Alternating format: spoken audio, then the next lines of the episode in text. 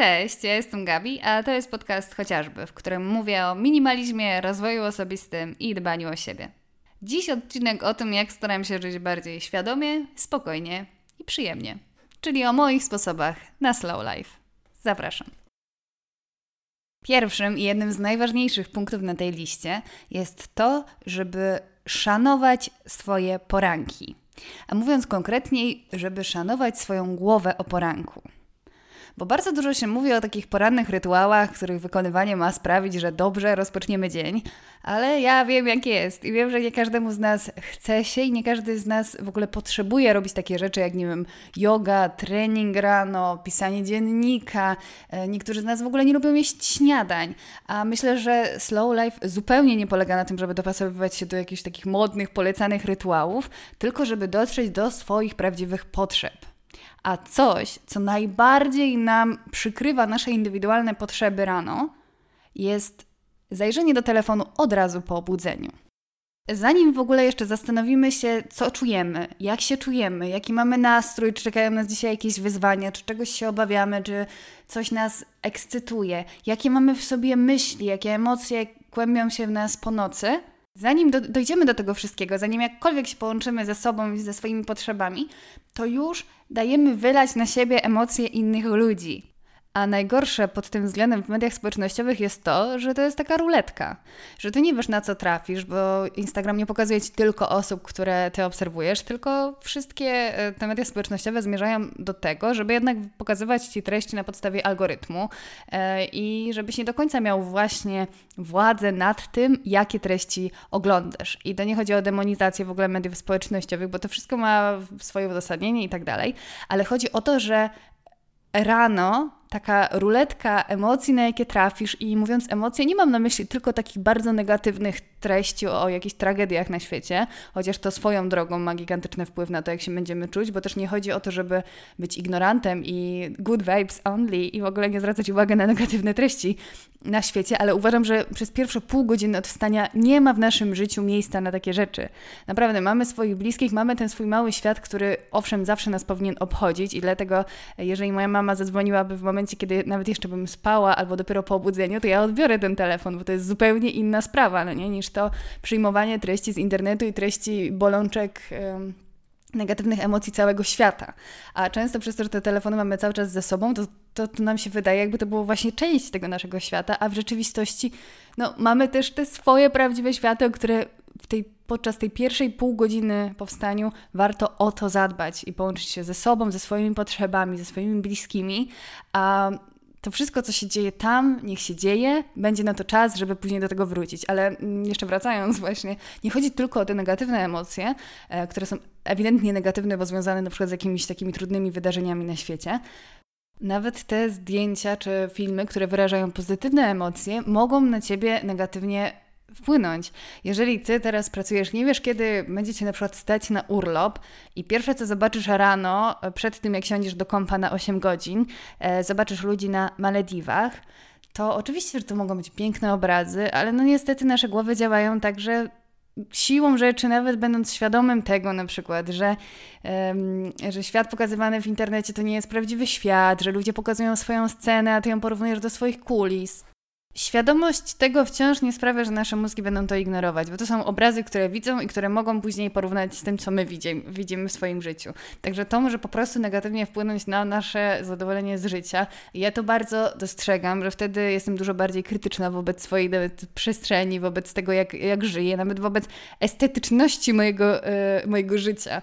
Także Wciąż, nie demonizując w pełni e, mediów społecznościowych, uważam, że ten czas ranny powinien być od tego wolny, żebyśmy byli w stanie połączyć się sami ze sobą. I moją taką złotą zasadą przyjmowania rano treści i zawsze, jeżeli się z tego wyłamię i na przykład mam jakiś taki trudniejszy czas i na wszystko, wszystko olewam i znowu zaglądam telefonu rano i tak dalej, to później wracam z podkulonym ogonem do, tych, e, do tej reguły, o której zaraz powiem, i okazuje się, że znowu czuję się 100 razy lepiej i że nigdy nie było warto od niej odchodzić. I ta reguła brzmi tak. Przez pierwsze pół godziny od wstania nie przyjmuję żadnych treści, czyli niczego nie słucham, niczego nie oglądam, niczego nie czytam.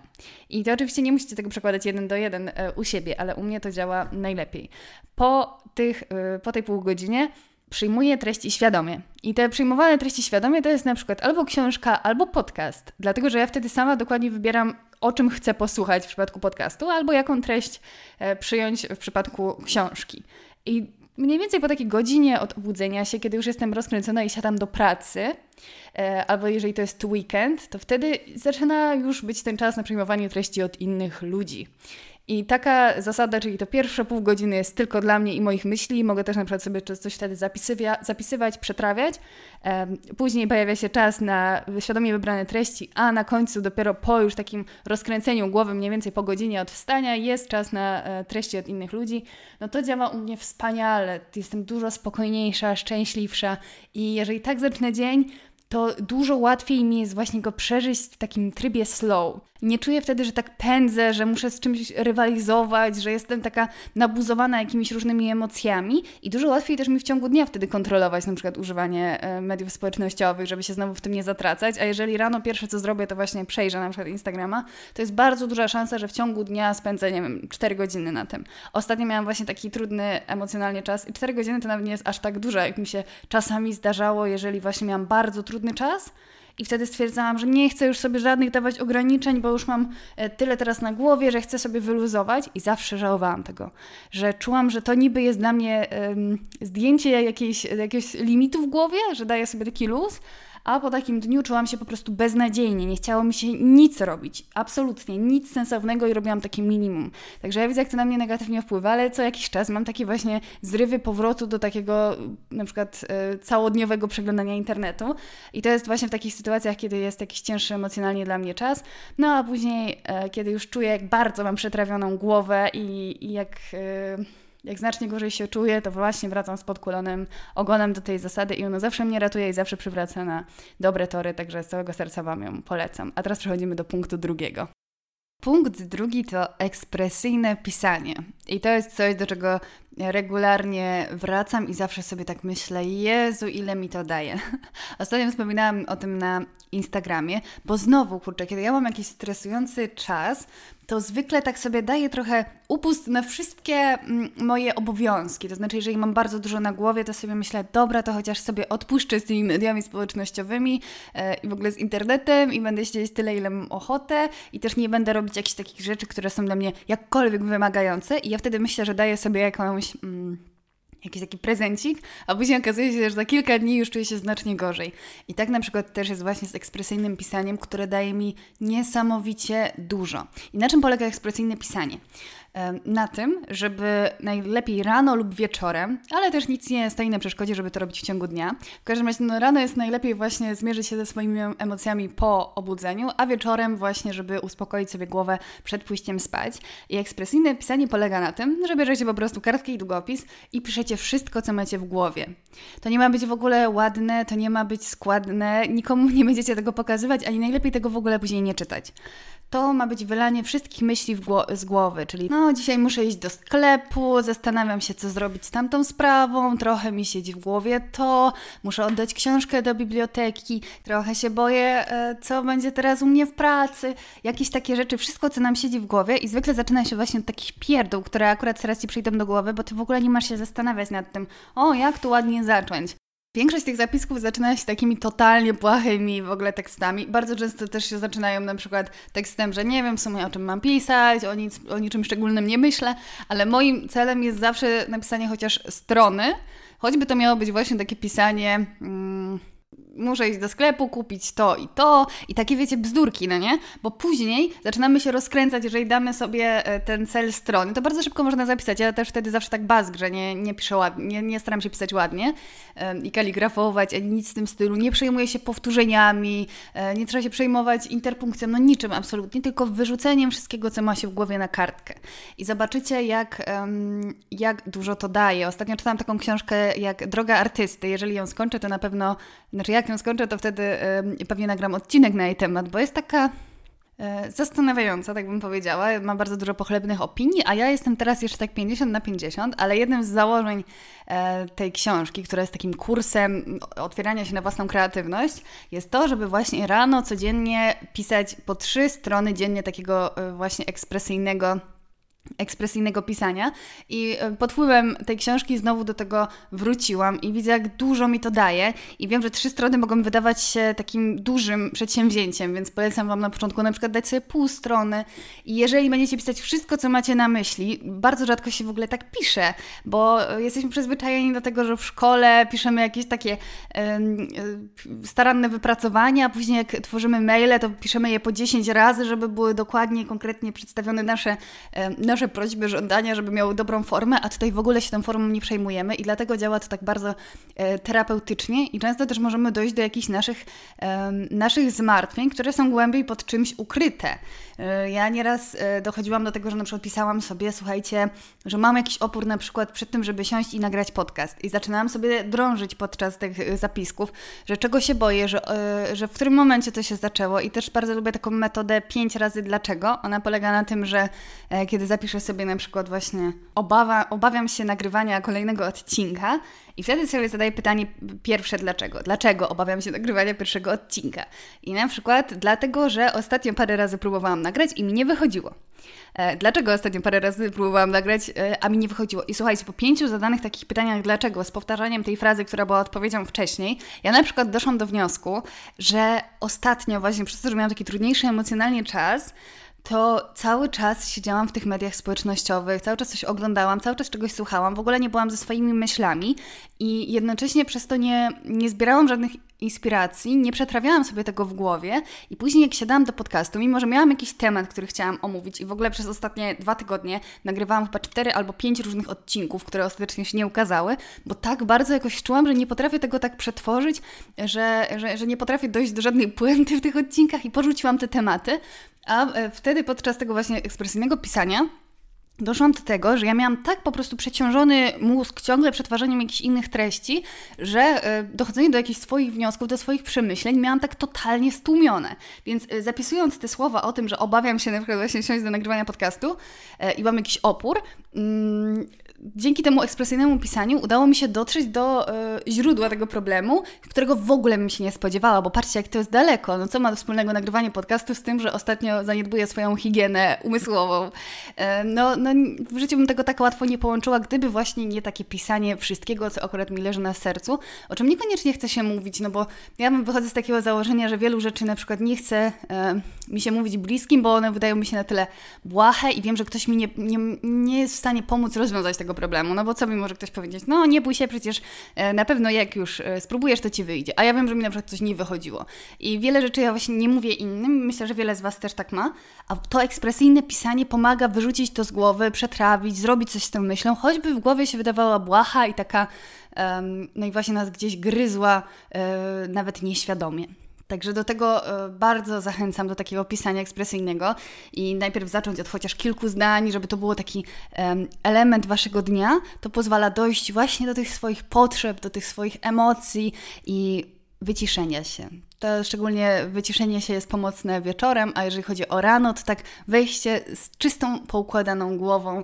E, dużo łatwiej jest, kiedy te wszystkie nasze małe i większe lęki wyrzucimy na papier.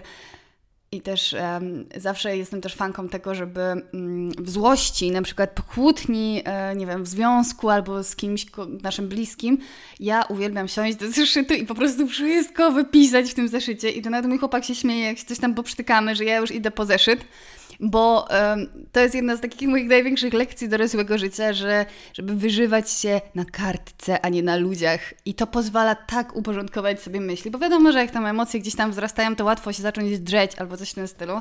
A no, takie ekspresyjne pisanie bardzo w tym pomaga, bo potrafimy właśnie agresywnie się wypisać i nagle okazuje się, że w sumie chodziło nam o coś zupełnie innego.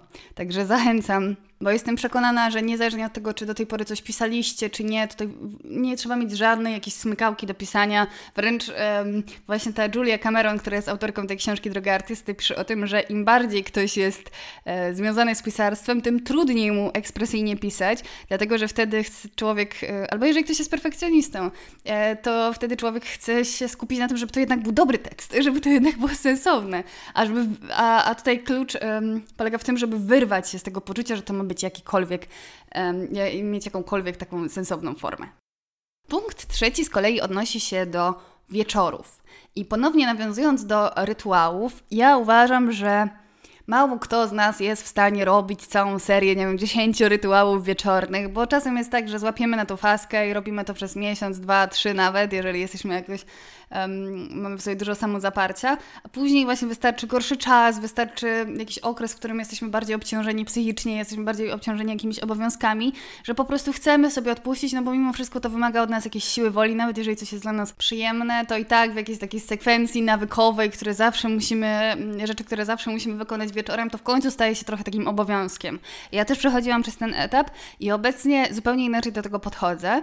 Jak najbardziej stawiam na takie automatyczne trochę nawyki, nawyki, które tak naprawdę bardzo mało ode mnie wymagają, a sprawiają, że na przykład właśnie taki, taki wieczór jest dużo e, przyjemniejszy, jest dużo spokojniejszy, dużo bardziej skupiam się wtedy na no na, na sobie, ale w takim pozytywnym sensie, że to jest takie przetrawienie dnia, przygotowanie się do, e, do nocy, do snu. Jednym z takich moich ulubionych elementów e, wieczoru jest, kiedy mam wolny właśnie wieczór i robię jakąś rzecz taką manualną. I wtedy sobie albo słucham jakiejś spokojnej muzyczki nastrojowej, albo e, słucham podcastów.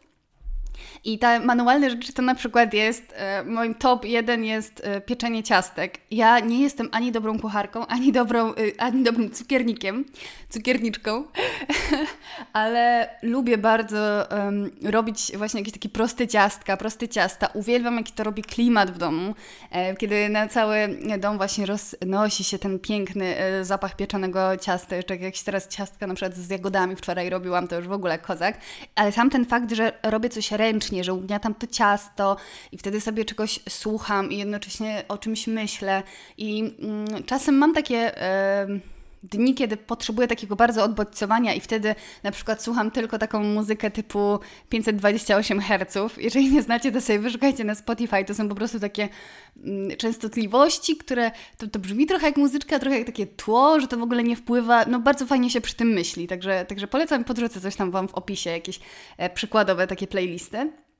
W każdym razie to jest taka bez słów e, muzyczka na odpowiednich częstotliwościach i wtedy rzeczywiście e, tak się odbodźcowuje, ale tak przyznam e, szczerze, że najbardziej lubię kiedy, e, posłuchać sobie wtedy jakiegoś podcastu i, um, i porobić i to wtedy tak czuję, że odpoczywa moje ciało, moja głowa, bo jestem skupiona na, na czymś, na robieniu czegoś. I inną taką rzeczą e, manualną jest na przykład rysowanie, malowanie farbami albo szydełkowanie. W ogóle szydełkowanie bardzo bym chciała spróbować, a z rysowaniem mam tak... Taką bardzo dużą fazę od lat, którą kiedyś trochę sobie zaprzepaściłam, bo bardzo się starałam rysować coraz lepiej i um, jakoś dokształcać w tym temacie i oczywiście nie ma w tym nic złego, ale ja tak naprawdę nigdy nie chciałam, może nie, że nie chciałam, ale czułam, że i tak nie będę jakimś rysownikiem i tylko chciałam robić to dla siebie. W momencie, kiedy dawałam sobie jakąś taką presję, że mam stworzyć jakiś niesamowity rysunek, to odbierało mi tę frajdę. A teraz mam takie poczucie, że czasem na przykład sobie siadam z blokiem rysunkowym i nie wiem, i mam fazę, że rysuję sobie jakieś... Um, jakieś owoce, jakieś fajne kształty i to w ogóle nie ma być y, piękne, tylko to ma być takie rozluźniające, takie właśnie, tak samo jak moje ciastka nie są piękne i nie są może najlepszymi na świecie ciastkami, chociaż mój chłopak sądzi inaczej, e, to tak czy siak sprawia mi przyjemność właśnie ta manualna czynność i to, jak czuję, jak wtedy odpoczywają mi zmysły, także bardzo polecam to robić wieczorami. Jeżeli chodzi też o takie inne, e, proste, prostsze do tak naprawdę wykonania nawyki, rytuały, to na przykład jest to u mnie zapalenie kadzidełka albo świeczki, jak tylko rozrobi się ciemno. To jest taki automat. Jak widzę, że już się ściemnia i latem niestety trzeba trochę na, tym, e, na to poczekać. Znaczy mówiąc, mówię niestety, ale wiadomo, nie lubię jak się ściemnia zimą o 15, ale najbardziej lubię, kiedy tak jest 18-19, już jest ciemno i mogę sobie zapalić E, świeczkę i kadzidełko i zaparzam sobie jakąś meliskę e, i wtedy właśnie siadam z książką. To nawet właśnie nie robiąc już tych takich jakichś manualnych rzeczy, które wymagają czegoś, żeby coś wyjąć, coś zrobić. Chociaż powiem Wam, że takie proste ciastka na przykład można zrobić 20 minut i to jest super kozackie, a takie jest e, uspokajające. Ale nawet jeżeli mi się nie chce nic takiego konkretnego robić, to właśnie, żeby stworzyć sobie chociaż, e, chociaż ten klimat. I nawiązując do klimatu, to oczywiście na tej liście musi znaleźć się romantyzowanie codzienności. Ja nagrałam cały odcinek o romantyzowaniu swojego życia, ale jednym właśnie z takich elementów jest zwracanie uwagi na różne takie szczegóły w ciągu dnia, e, takie jak na przykład przygotowanie sobie klimatycznego seansu filmowego, wcześniej robiąc research, znajdując jakieś najlepsze filmy, które byśmy chcieli obejrzeć, a nie tak jak to wiecie, zwykle bywa, że siadamy e, przed telewizorem i szukamy przez godzinę czegoś na Netflixie, niczego nie znajdujemy i już jesteśmy tacy zniechęceni puszczamy jakiś serial, który już widzieliśmy, tylko podejść do tego naprawdę z, takim, e, z taką pieczołowitością planowania, przygotowania jakichś e, dobrych przekąsek, nawet jeżeli lubimy po prostu jeść chipsy, to żeby sobie je przesypać, przygotować kole, przygotować jakieś różne rzeczy, koce, e, zapalić sobie świeczkę, przygotować po prostu klimat tej sytuacji, która może być albo takim zwykłym odpaleniem Netflixa i puszczeniem pierwszej rzeczy, którą, którą znajdziemy po pół godziny odsie odsiewania rzeczy, których nie chcemy oglądać, tylko naprawdę się przygotować do tej sytuacji. Albo e, kiedy robimy sobie śniadanie, czy kolację, czy cokolwiek innego, puszczać sobie takie nastrojowe playlisty. To jest coś, co sprawia, że naprawdę człowiek może się poczuć jak w filmie. Ja uwielbiam takie playlisty typu French Cafe. E, na YouTubie znajdziecie, pewnie na Spotify też, czyli taki muzyczka z francuskiej kawiarni na przykład. E, I tam niektórzy się śmieją, że to jest taka muzyczka trochę z windy, a ja się bardzo wczuwam, szczególnie jak jest, czy jest jakaś taka muzyczka śpiewana, francuska. I wtedy sobie właśnie jakąś przygotowuję kawusię i zawsze mi się chce wtedy um, na przykład zrobić jakieś ładniejsze śniadanie, no, takie, takie dla siebie, no nie? Nie żeby właśnie robić zdjęcia czy coś w tym stylu, tylko dla siebie, żeby tak się rozpieścić tym, że to nie jest po prostu kanapka z serem i chociaż ja uwielbiam bułki z serem, tutaj nie ma, nie ma tutaj dyskusji co do tego, ale wiecie, żeby po prostu się troszkę bardziej postarać przy tym i nawet jeżeli to ma być najzwyklejsze śniadanie świata, to żeby, e, żeby było zrobione z taką miłością, z takim właśnie poczuciem, jakbyśmy byli tymi głównymi bohaterami e, w filmie. I innym takim e, fajnym patentem jest na przykład też patentem. To może nie, nie brzmi zbyt romantycznie, to może nie patentem, tylko takim elementem okazania sobie samemu romantyzmu jest na przykład kupowanie sobie albo zbieranie, chociaż tutaj bardziej w Polsce jednak w miastach polecam kupować niż zbierać, świeże, piękne kwiaty. Taki bukiet może Wam stać przez kilka dni i um, uprzyjemniać każde picie kawy. To naprawdę jest tego warte. Nie wiem, wydać 20 zł i przez tydzień mieć e, dużo przyjemniejsze poranki. Generalnie w tym romantyzowaniu swojej codzienności chodzi o to, żeby każdej e, chwili, no może dobra, nie każdej, ale takim zwykłym chwilom jak najczęściej nadawać jakiś klimat, jakiś taki nastrój, upiększać je, ale właśnie dla siebie, dla swoich oczu, nie dla oczu innych ludzi, e, widzów czy czegokolwiek takiego, tylko dla siebie. To jest niesamowite, kiedy naprawdę właśnie e, stroimy sobie naleśnika czy cokolwiek innego e, jemy przy świeżym bukiecie kwiatów i widzimy to my i robimy to dla siebie. Nie robimy to dla pięknego zdjęcia na Instagramie, chociaż oczywiście nie mam nic przeciwko zrobieniu pięknego zdjęcia na Instagrama, ale kiedy wiesz, że ta Twoja codzienność jest dla Ciebie. I powiem Wam też, że teraz mi tak przyszło do głowy, że Instagram na przykład ma tę pozytywną właściwość, że często stajemy się trochę bardziej tacy wymagający wobec swojej codzienności. Bo oczywiście ma to taki negatywny wymiar tego, że będziemy się porównywać, że możemy czuć, że nasza codzienność jest taka niewystarczająca, jest taka brzydsza, mniej estetyczna niż to, co widzimy.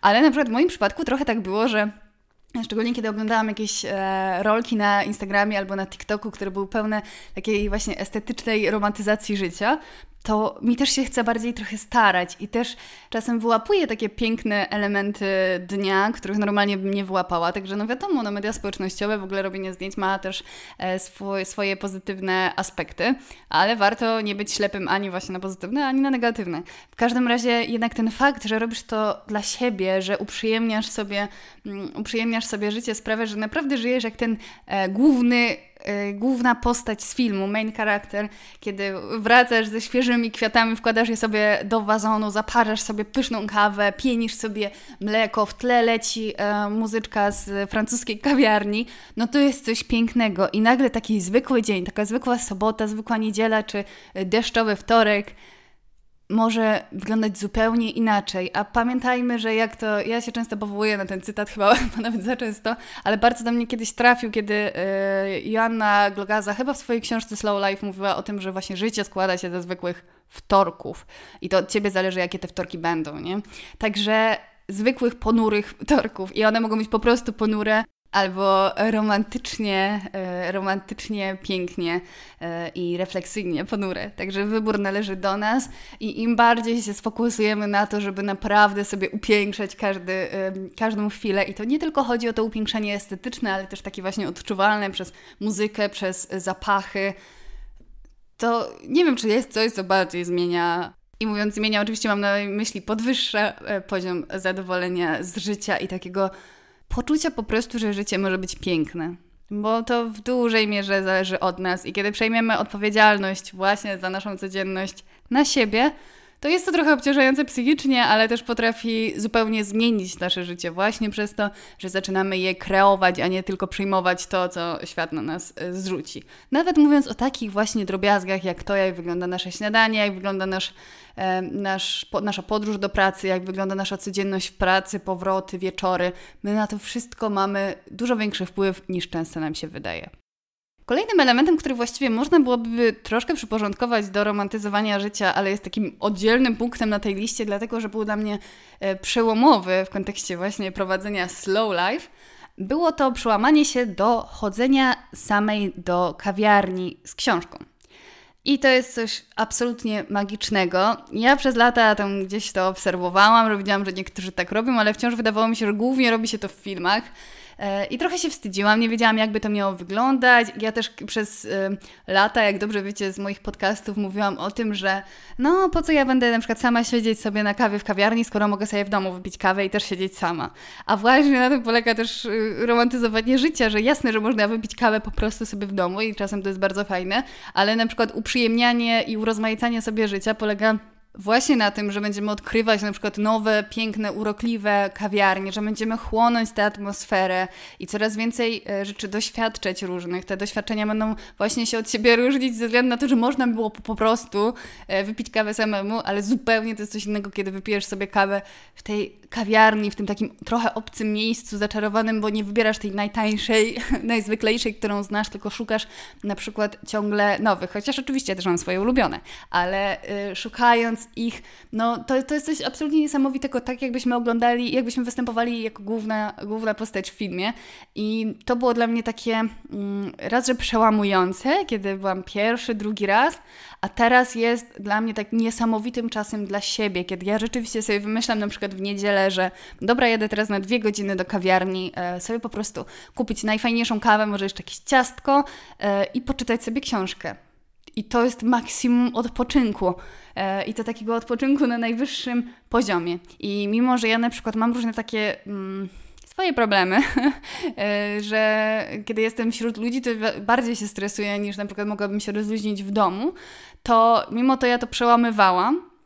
Mm, I właśnie chodziłam do tej kawiarni, żeby poczuć w ogóle ten inny klimat, e, inny sposób przeżywania takiej zwykłej codzienności, bo wiecie, na przykład jak się pracuje zdalnie, to ma się Niby to jest e, takie pełne różnych możliwości, ale bardzo łatwo przejść na taki system, że rano się wstaje, siada się przed kąpem, pracuje się, a później już prawie jest wieczór, więc yy, całymi dniami się spędza w domu. Ca całe dni się spędza w domu i też się nie jest narażonym na jakieś, narażonym nawet tak pozytywnie na jakieś inne innych ludzi i tak dalej, więc trudno jest się zmotywować do tego, żeby w ogóle chcieć się ruszać, jeżeli nie ma takiej potrzeby, no bo optymalizujemy swój wysiłek. A co się okazuje, że właśnie e, robiąc takie rzeczy jeszcze w ogóle samodzielnie, to jest zupełnie inne, e, zupełnie inne doświadczenie, to jest takie też docenianie siebie i takie urozmaicanie swojej, e, swojej codzienności i naprawdę korzystanie z tych wszystkich możliwości, które mamy szczególnie E, szczególnie w miastach, a czasem właśnie przyzwyczajamy się do, tylko do swoich jednych, do swoich miejsc, nie lubimy chodzić gdzieś sami,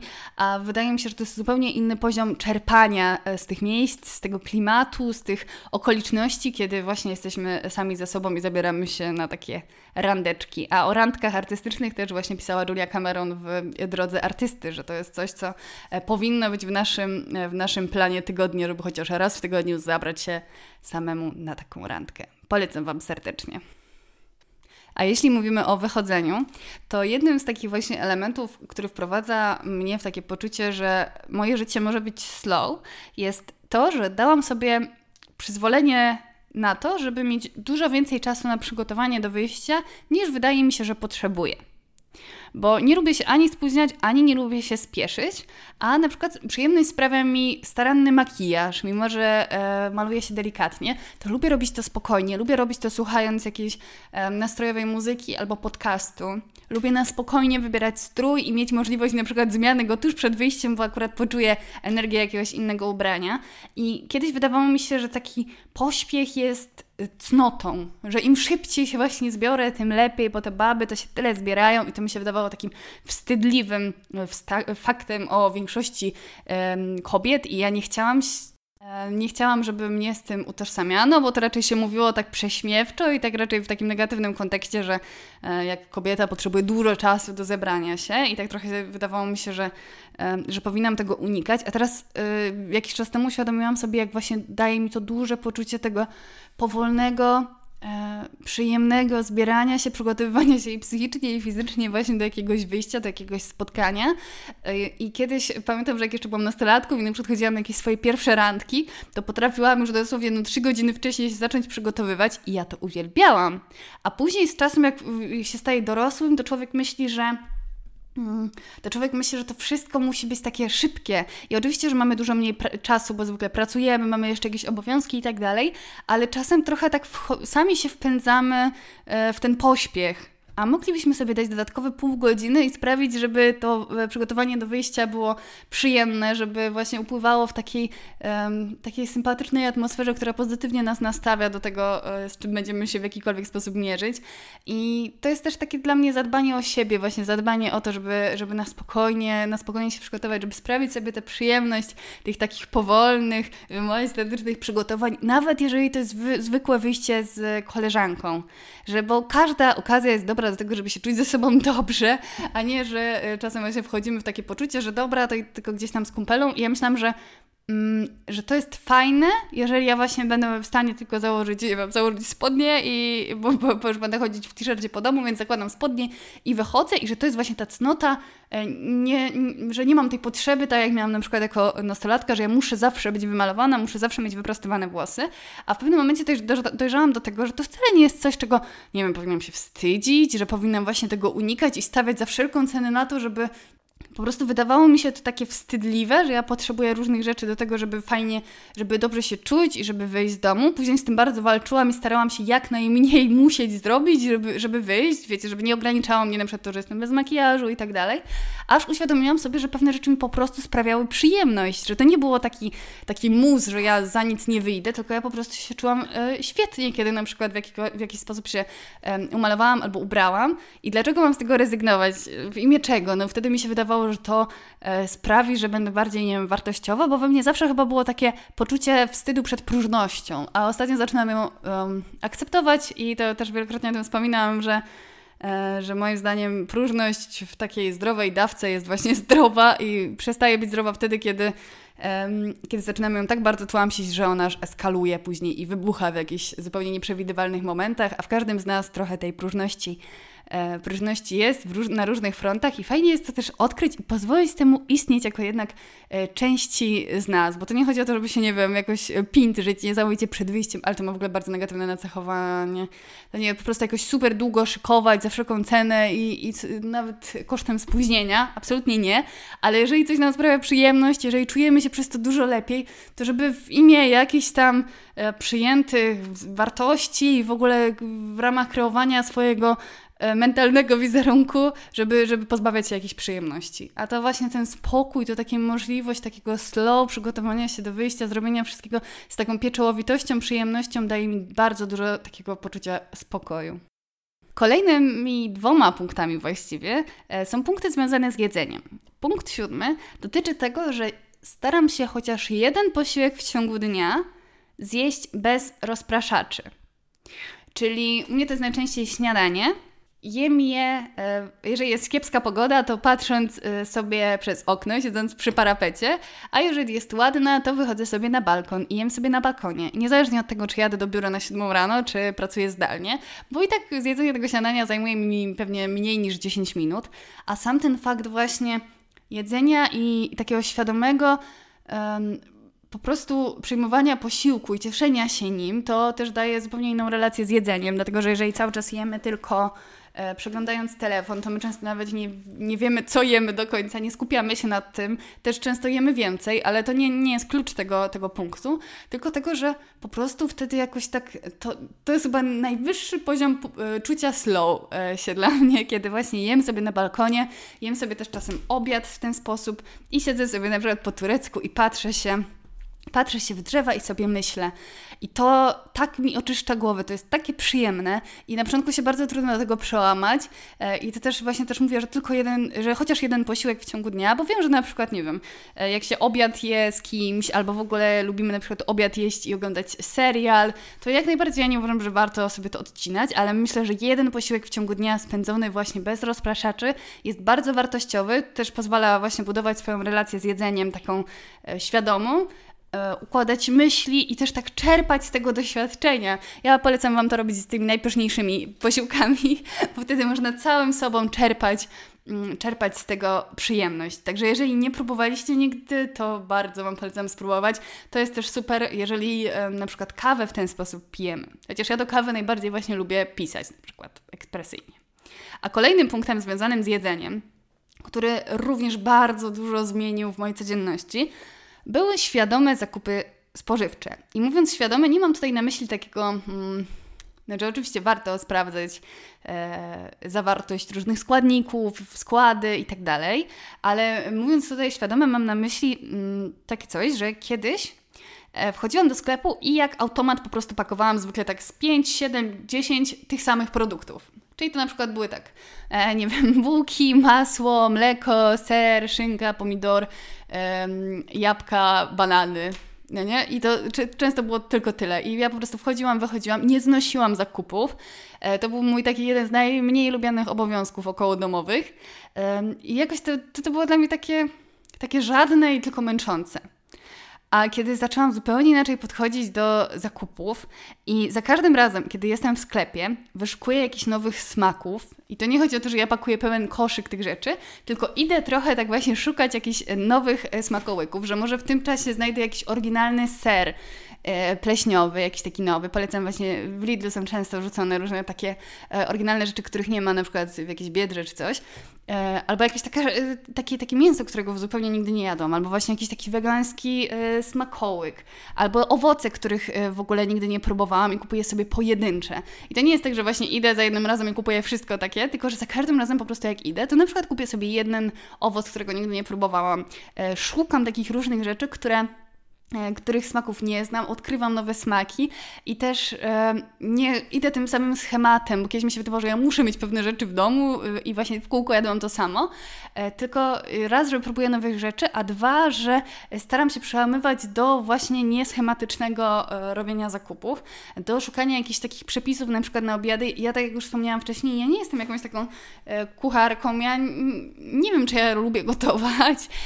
odkąd mam taką minimalistyczną bardzo kuchnię, to zdecydowanie lubię to dużo bardziej robić, ale ja e, jestem fanką po prostu takich prostych przepisów, opartych na przykład na jednym konkretnym składniku i bardzo często szukam takim wyrazistym składniku i bardzo często właśnie takich e, przepisów szukam i później robię wszystko na bazie, nie wiem, jakichś tam papryczek chili albo coś w tym stylu e, i uwielbiam takie proste połączenia smakowe, ale właśnie staram się, żeby jak tych posiłków było, było, były po prostu jak najbardziej różnorodne i nie mówiąc tylko tutaj o obiadach, ale też to, z czym jem kanapki, jakie jem omlety i tak dalej.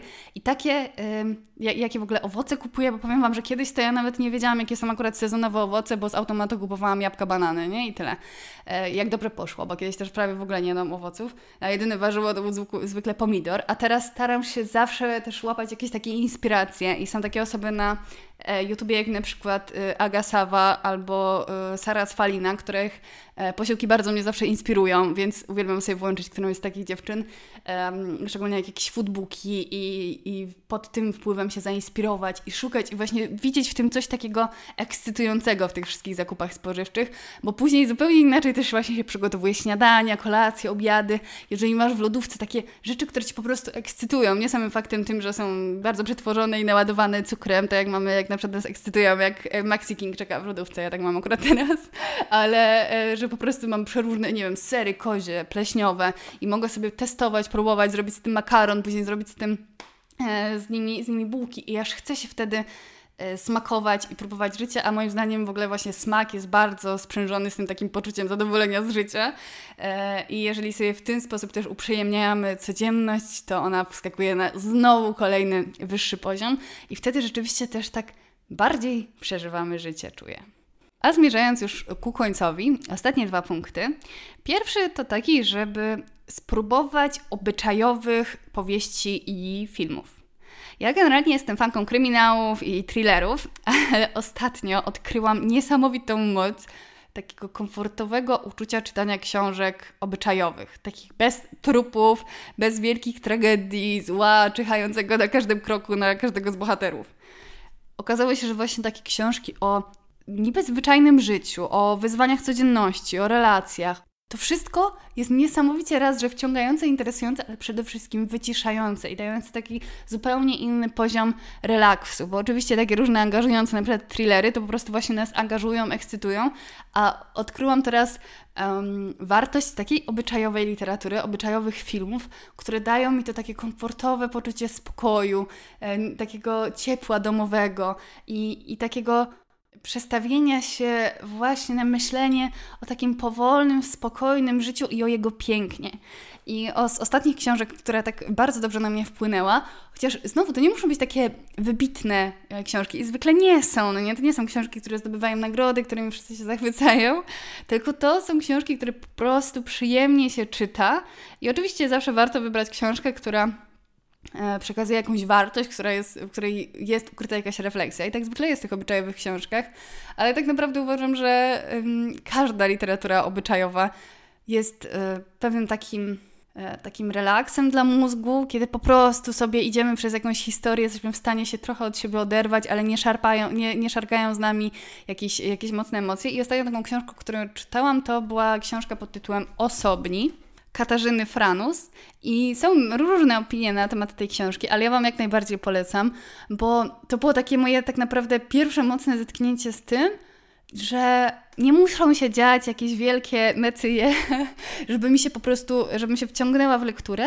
i widziałam, jak pozytywnie na mnie to wpływa, że mam ochotę do tego cały czas wracać i zaglądać i dlatego też mówię bardziej do i, i wycisza cię w ten sposób. Dlatego też bardziej się skupiłam w tym punkcie na książkach, dlatego że filmy obyczajowe, one zwykle są no. Um, rzadkie, bo zwykle to są dramaty, ale jeżeli nawet patrzę na takie filmy, no to one zwykle mają, nie wiem, z półtorej godziny, dwie godziny, a do książki wiadomo, no książkę się czyta zwykle z 8 godzin, mniej więcej, e, zatem parę dni, no i można do niej wracać w różnych sytuacjach i znowu wracać do tego świata, który ci tak przytula i w którym jest tak miło i przyjemnie, więc e, też się bardziej w to angażujemy niż w filmie, no bo taki film obyczajowy pewnie no, no nie zawsze zostawi z nami jakąś taką refleksję, a jeżeli jesteśmy długo z jakimiś bohaterami, no już chociażby ten tydzień, to, e, to ta książka tak zostaje w głowie i tworzy jakiś taki komfortowy, e, komfortowy kącik. I mówiąc o książkach, zamkniemy ostatnim punktem, żeby odkrywać biblioteki w swojej okolicy i też dalszej okolicy, jeżeli macie gdzieś e, bardziej oddalone. Ja, tak jak wiecie, czytam głównie e-booki. E, rzadko mi się zdarza kupować książki, raczej od tego stronie, e, ale do biblioteki chodzę często. E, właśnie głównie po powieści i tam nie kieruję się recenzjami i tak dalej. To jest taka moja zasada, że kiedy coś e, szukam, nie wiem, na swojej tam bibliotece e-bookowej albo już nawet, nawet chcę zamówić jakąś książkę, no to ja sprawdzam jej recenzję i tak dalej. A kiedy idę do biblioteki, to się trochę tak sugeruje energią do tej książki. W sensie, jeżeli biorę sobie ją w dłonie, to czy, to, to, to, czy czuję chemię, czy nie czuję chemii? Czy chcę ją przeczytać, czy nie? Czytam sobie tylko tam tył, e, wiecie, to, ten opis książki na tyle i się tak zastanawiam, przekartkowuję, e, czy ty ze mną pójdziesz, czy ze mną nie pójdziesz, pójdziesz.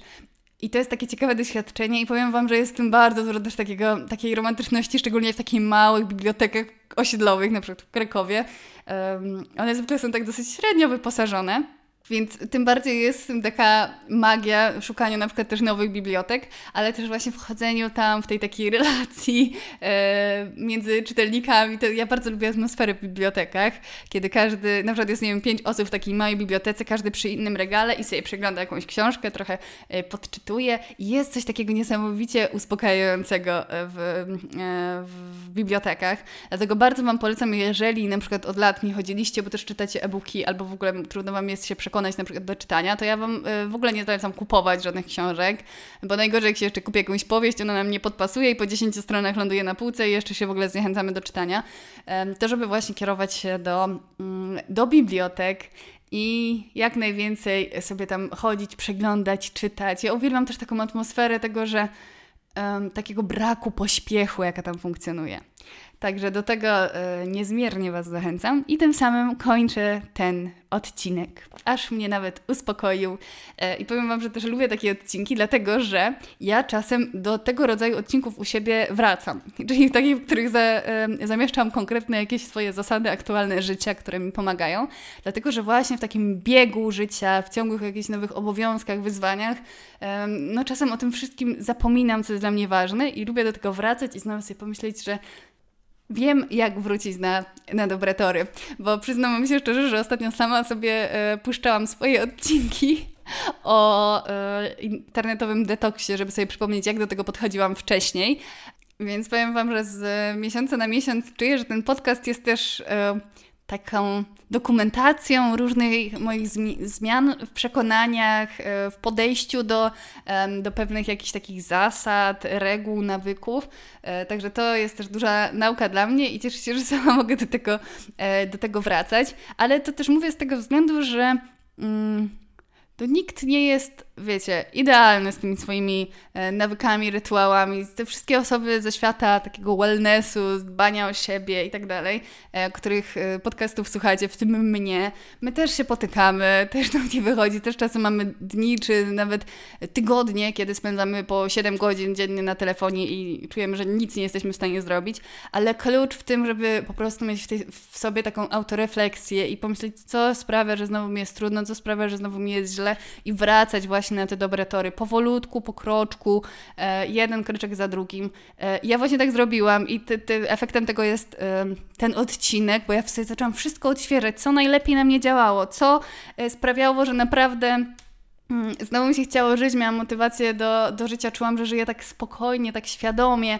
E, chociaż spokojnie powiem Wam, że kiedyś to słowo mi się tak negatywnie kojarzyło, bo ja nie jestem taką spokojną osobą, tylko ja jestem dosyć e, energiczna w życiu e, i zawsze mi się tak spokojny człowiek wydawał z czymś nudnym, ale wiem, że taki spokój w życiu, do którego można wracać, z którego można czasem wychodzić, a później wracać, to jest najlepszy e, rodzaj codzienności, przynajmniej, przynajmniej dla mnie. Także no, y, wrócenie na te tory znowu mi pokazało, że życie jest piękne, jeżeli sobie je takim, e, takim tworzymy. Życie też jest e, trudne, czasem nieznośne i niesprawiedliwe, ale może być na tym małym naszym ogródku również piękny. I tego e, Tobie właśnie życzę. A tymczasem, dzięki za słuchanie, zapraszam na mojego Instagrama chociażby. I cóż, udanego dnia, tygodnia oraz życia. Pa!